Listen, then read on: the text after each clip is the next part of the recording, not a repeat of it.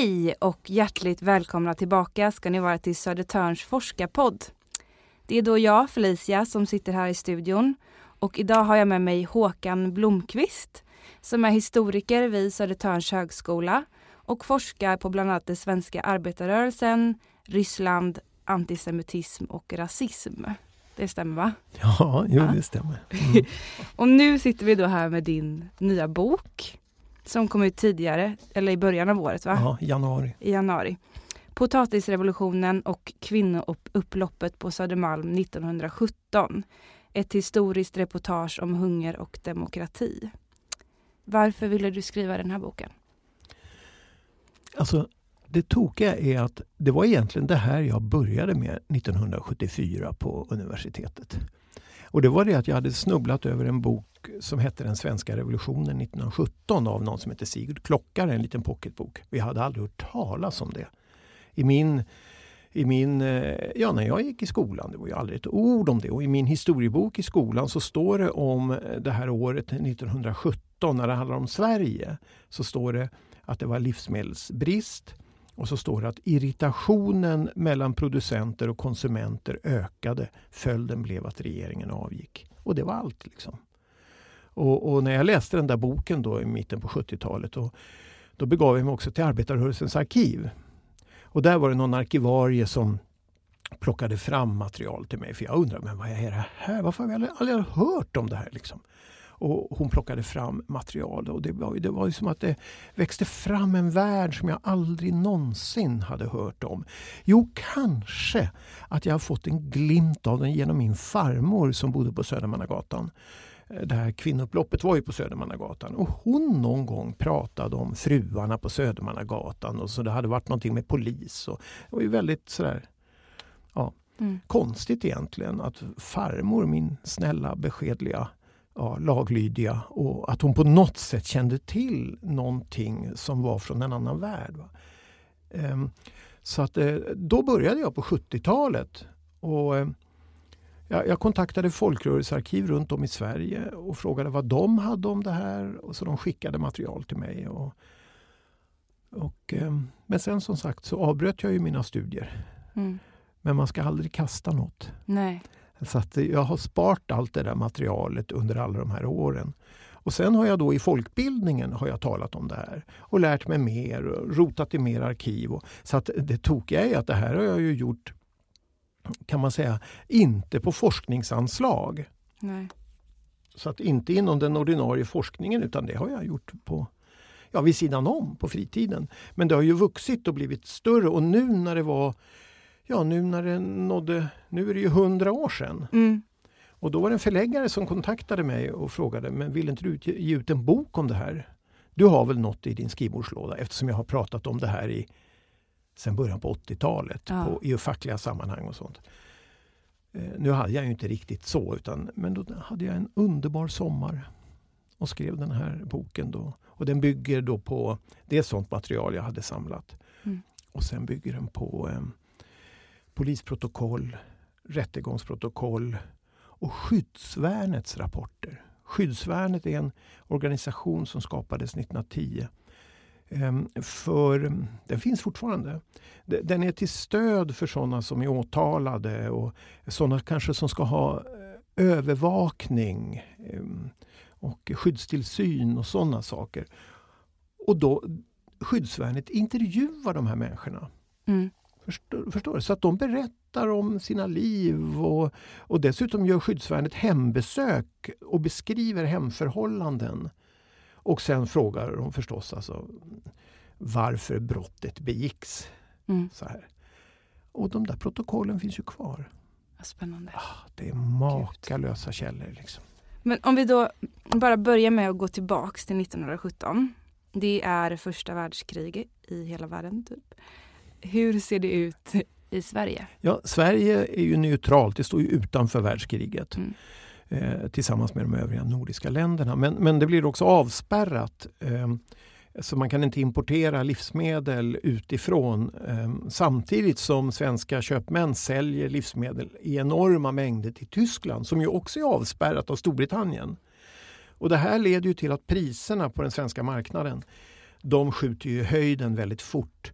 Och redan 1916 kan man nog prata om att det börjar bli de första hungerbekymren i det svenska samhället. Det är, dålig, det, det är dåligt skördeår också eh, 1916. Och dessutom är ju en stor del av männen är ju inkallade som beväringar. Och det gör att det blir svårt att bärga hem skördar och, och sådana saker. Så att, så att redan 1916 på hösten så börjar det bli besvärligt. Och sen börjar man införa ransoneringar efterhand. Och från och med januari eh, 1917 då utvecklar man en statlig, det heter Folkhushållningskommissionen, den tillsätts redan innan men nu börjar den ta kontroll. Va? Den köper upp, bönderna måste leverera kvoter av sin skörd och sin produktion, livsmedelsproduktion till den här statliga kommissionen som köper upp till fixerade priser. Och sen ska det här då distribueras ut i ett finmaskigt nät av lokala nämnder.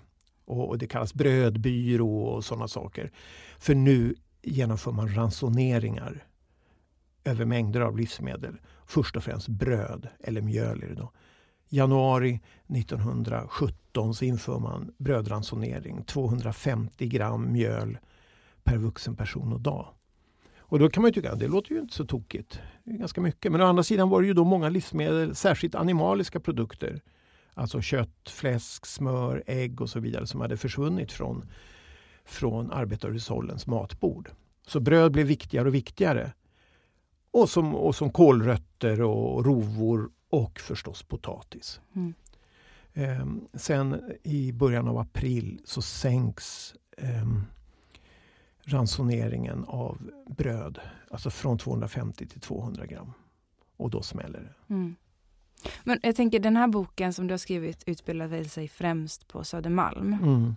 I det här Sofo-området. Ja, ja. Och det är Södra väldigt, Katarina. Ja, mm. och det är ett väldigt eh, trendigt och hippt område. Mm. Om du skulle måla en bild av hur det såg ut 1917 där, Ja, det, det, var ju då, alltså Södermalm, tänkte Stockholm 1917 hade 400 000 invånare. Av dem bodde 117 000 eller något på Södermalm. Det var den stora arbetarklassstadsdelen. Alltså, det var en industristadsdel. Det var ju oerhört mycket industri på Södermalm. Mm. Och stora kvinnoindustrier. Var jättelika kvinnoindustrier. Textil och sådär. Textil, bryggerierna, Södra Sko, alltså skofabrik. Um, tobaksmonopolet var en gigantisk arbetsplats för, för kvinnor. Mm. Um, och, um, och just Södra Katarina församling, alltså dagens Sofo då, det var väl kanske en av de allra fattigaste delarna. Den 5 maj då? 19, lördagen den 5 lördagen den 5 maj 1917 så startar potatisrevolutionen. Ja, man kan säga så. Man, måste ju man vill säga ett datum. Ja, just det. Ja. Jo, så det mm. Men vad var den utlösande faktorn där? Ja, den utlösande faktorn då det var att det hade kommit ett rykte att eh, det hade kommit potatis till, till östra Södermalm. För östra Södermalm hade varit utan potatis i minst en vecka. Och sen var det då sådär som det går till. Det här är ju långt före internet och sociala media och de flesta har ju inte, liksom, telefon är också ganska nytt, de flesta har ju inte det. Men därför går det ju mun till mun istället. Dessutom var det ju oerhört trångbott ska man komma ihåg. Alltså, idag bor det 127 000, eh, har Södermalm 127 000 invånare men jag menar, lägenhetsytan är ju mer än dubbelt, den är säkert tre gånger större än vad den var då. Så att de här 117 000 människorna, var fjärde var inneboende. Så de bodde ju väldigt packade. Mm. Och det gjorde ju att rykten kunde ju segla iväg snabbt. Och nu var det någon som hade sett att det hade transporterats in potatis till, till, till den här Katarina församling då på morgonen. Och så sprids ryktet. Och samtidigt är det också att dagen innan så har det varit ett stort, man kan kalla det hungeruppror i Norrköping där kvinnor stormade nästan alla brödbutiker och plundrade dem helt enkelt. De plundrade också en charkuterifabrik, eh, korvpelles. Eh, kvinnor och barn som skar ner korvar och skinkor och så vidare. Och sen så mm tvångsinventerade man eh, landsbygden utanför, de gårdarna utanför för att se om de hade gömt undan livsmedel. Och det här hade tydligen nått Stockholm också. De här. Dessutom hade det pågått sånt här i flera veckor. Mm. Ända sedan den 11 april runt om i landet. Och de värnpliktiga soldaterna förenade sig med hungerdemonstranterna i, i stora manifestationer där man sjöng Internationalen och hurrade för revolutionen. För det hade ju varit just revolution i Ryssland bara några veckor innan när tsaren störtades. Så, och Ryssland låg ju väldigt nära Sverige på den tiden. Det var ju, det var ju liksom inom nästan höravstånd. Finland och Åland var ju ryskt, va? eller mm. under rysk överhöghet. Så att eh, när kvinnorna här på Södermalm, östra Södermalm får höra det här om potatis, då börjar de inventera så här. Som man gör. Man, man tränger in i butiker och så kräver man få se vad de har och så tvångsköper man. Därför om man inte hade några kuponger, va? Om man inte hade några ransoneringskort, då var det olagligt att handla de varorna. Och olagligt att sälja också. Och så prövar man, man är inne i en butik vid Nytorget, eh, man hittar ingenting och så är man inne i en annan butik vid Nytorget och hittar ingenting där. Och sen kommer ryktet att hos handlare Fredrik Karlsson eh, på Södermannagatan 33 där han har setts bära in säckar. Det är en reklambyrå där idag. just i det. Så det är samma byggnad. Liksom. Mm. Och det är där som de här upploppen börjar då. Efter att eh, Karlsson har förmåtts av konstaplar som kommer dit och sälja det han har gömt undan. För han har gömt undan lite grann för att sälja till sina stamkunder. Mm. Men när han har sålt det så är det ju liksom slut. Och då står det hundratals kvinnor utanför som vägrar gå därifrån. Och det är när polisen försöker gripa dem som uppfattas som orosstiftare. Det är då det blir upplopp. Och då blir det som ett gatukrig som pågår alltså från ja, ända till midnatt. Och det, det är många som skadas. Och, ja, stora kravaller helt enkelt. Ja. Och många grips. Ja. Men hur kommer det sig att det var just kvinnorna som stod i bräschen vid de här upproren? Ja, för kvinnorna var närmst matbordet. Alltså, det är Yvonne Hirdman, historikern, hon, hon uttrycker det så här, kvinnorna gick rakt på maten. Alltså de, det var ju stora demonstrationer. Alltså, över en kvarts miljon människor hade demonstrerat och genomfört hungeraktioner de två sista veckorna i april. Eh, militären låg i högsta alarmberedskap. Man var verkligen orolig för vad som skulle hända här. Men den organiserade arbetarrörelsen, alltså socialdemokratin och vänstersocialdemokratin som hade öppnat eget under våren, det var de som sen blev kommunister. De hade öppnat eget under våren 1917. De drev ju mycket rösträttsfrågan till exempel. Alltså de försökte göra de här hungeraktionerna mer politiska. Eh, och kritiserade ofta kvinnorna för att vara hysteriska. Eh, de känna icke organiseringens bud, de saknar disciplin och, och, så vidare. Men det var ju för att kvinnorna var tvungna att ha mat direkt. Det var de som var ansvariga för, för familjens eh, middag helt enkelt och frukost. Och, alltså, så var ju arbetsfördelningen på den tiden så att de kunde inte vänta på några reformer eller något. De var tvungna att ha mat direkt. Liksom. Mm. Och där, därför kan man nog säga att när det förekom plundringar då var det nog ofta kvinnor som plundrade faktiskt. Det kunde vara män också förstås. Men i Göteborg samma dag, 5 maj, så var det stora brödupproret. Där militär sattes in mot de som plundrade brödbutiker. Hade man sett liknande kvinnouppror tidigare? I Sverige? Ja. Kanske inte på det sättet. Alltså under de stora svältåren på 1860-talet så var det ju förstås kan man säga upplopp också.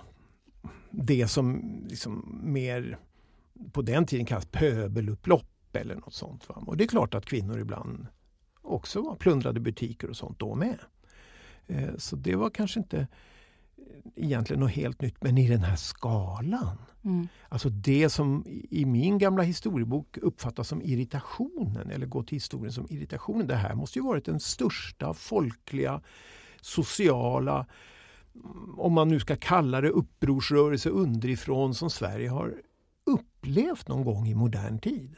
Men det är så märkligt då att man inte har talat om det ja, mer. Ja, och det är ju inte klokt. Va? För nu när man talar om Eh, det demokratiska genombrottet och man talar ju om, man lyfter fram rösträttskvinnorna vilket är underbart och bra för det har också varit en sån där lite bortglömd historia. Mm. Eh, att man lyfter fram dem och de här liberala kvinnorna och även socialdemokratiska, det är jättebra. Men de hade inte kunnat få igenom någonting utan den här sociala kraften underifrån. Nej. För att det här skakade ju hela samhället. Ja, och du kallar ju ändå, eller flera med dig kanske, det här för en revolution.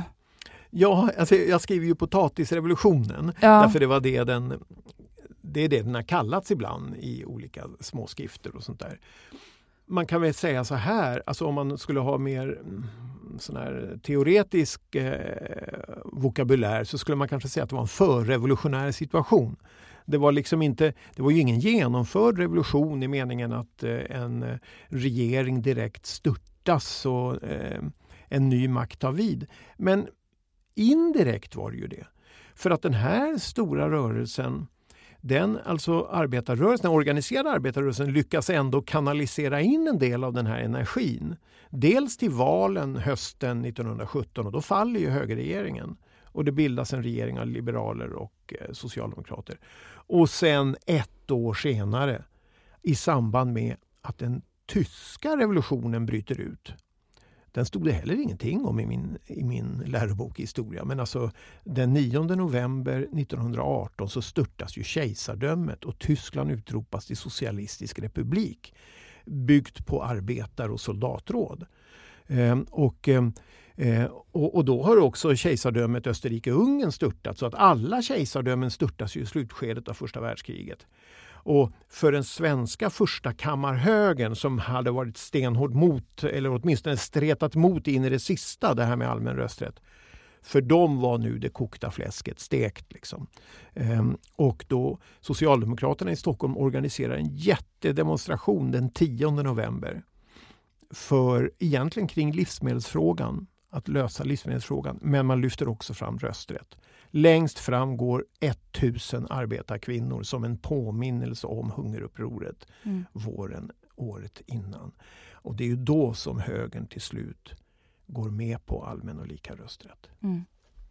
Så det var det som liksom la grunden för våran kvinnors rösträtt 1919? kan man ja, säga. det var i alla fall den här sociala eh, förändringskraften som krävdes, tror jag, för den här stora politiska förändringen. Ja. Var det något mer som startades där? Ja, men eh, det är ju, jag brukar säga att dels har vi rösträtten. Det är ju våren ja. 1919 som mm. kompromissen sluts i riksdagen. Och sådär. Ehm, men det är andra saker också. Eh, innan dess så förlorade ju kvinnor sin myndighet om man gifte sig. Då var det ju mannen som var myndig och som var ansvarig juridiskt för familjen. Mm. Och dessutom förstås det stora åtta timmars arbetsdag. Det var mm. ett krav som arbetarrörelsen hade drivit sedan 1880-talet. Och det lagstadgas ju nu åtta timmars, det är ju sex dagar i veckan. Men det är ju i första hand för industriarbetare. Just det. Mm. Men tror du att för att det handlar att just det att det är en revolution för kvinnors rättigheter på ett sätt och av kvinnor. Att det också har någonting att göra med att man inte har hört talas om. Absolut. Du tror det? Ja, det tror jag. Mm. Alltså det, absolut. Man ska ju komma ihåg att hela det politiska livet under en stor del av 1900-talet var ju så extremt manligt, vad säger man nu tiden, kodat och styrt. Va? Man kan se här, det, det bildades ju flera kvinnliga fackföreningar i början på 1900-talet. Eh, till exempel sömmerskor bildar fackförening och så vidare. Men sen så efterhand så, så slås ju de här fackföreningarna samman med då manliga fackföreningar. Och i allmänhet så fick ju kvinnorna inga förtroendeposter eller någonting då, utan då, då hamnar man in i, i maktstrukturer, eller patriarkala strukturer helt enkelt. Jag menar, hela samhället var ju präglat så väldigt av patriarkala strukturer. Jag tror Gunilla Björk har skrivit om hur sömmerskor i Örebro eh, slås ihop med Skrädderiarbetarförbundet då, alltså till ungefär det som blir ett textilarbetarfack. Eh, och det är ingen av kvinnorna tror jag som får någon ledande facklig roll med motivet att de skulle sakna erfarenheter. Men i själva verket var det så att det var sömmerskefacket som hade varit ute i strejker innan. Så de hade ganska mycket erfarenheter av strejkkamp men ändå så sovrades de bort. Va? Så att dels tror jag att det hänger ihop med det. att man inte har talat om det. Men dels tror jag också att det handlar om, åtminstone det här jag berättade om min historiebok, det är 60-talet.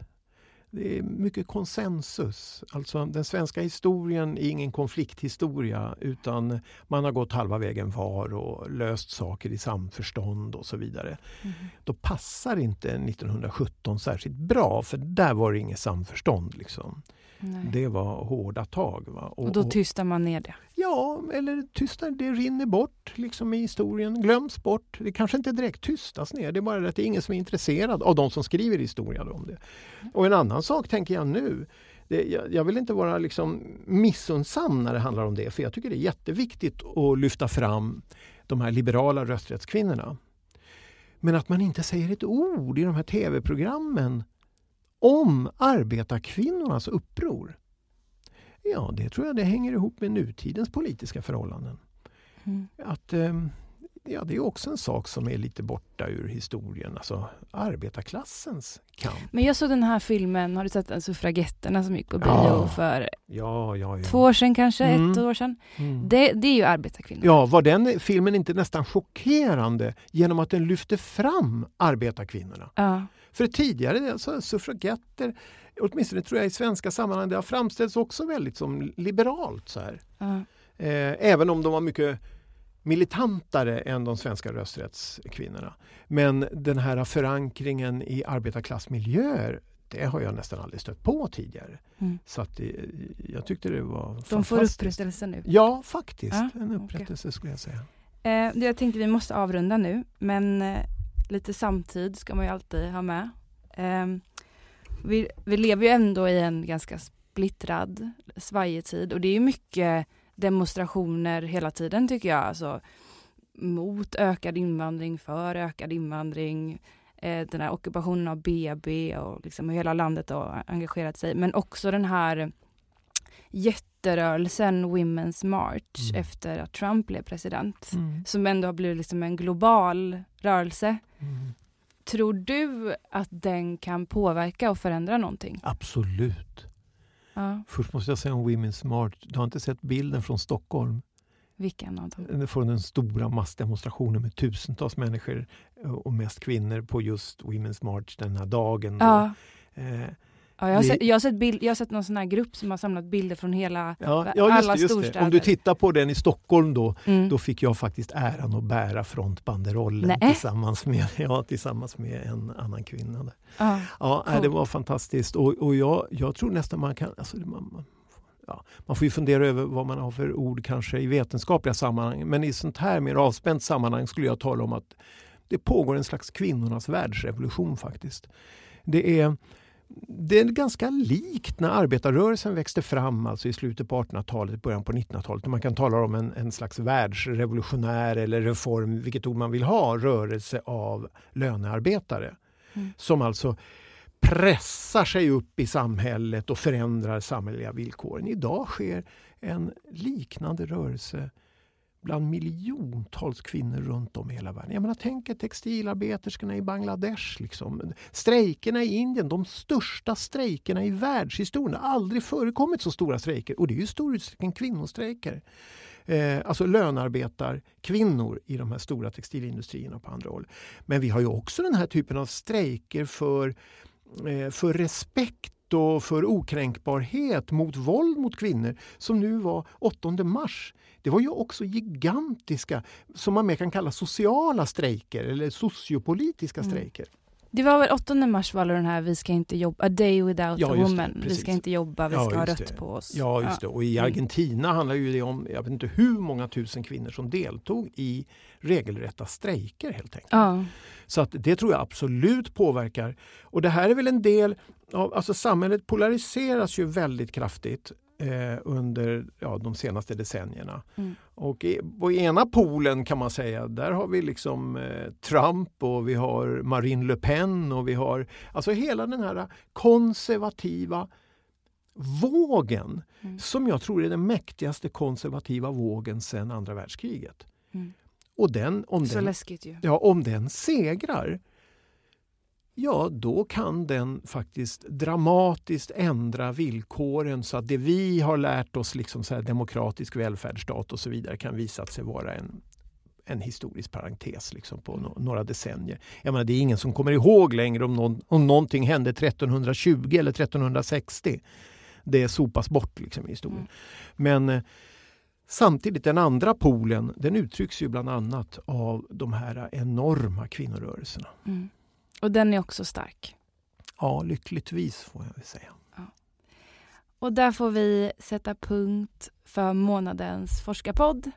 Tack så mycket Håkan Blomqvist för att du kom. Tack. Tack för att ni lyssnade.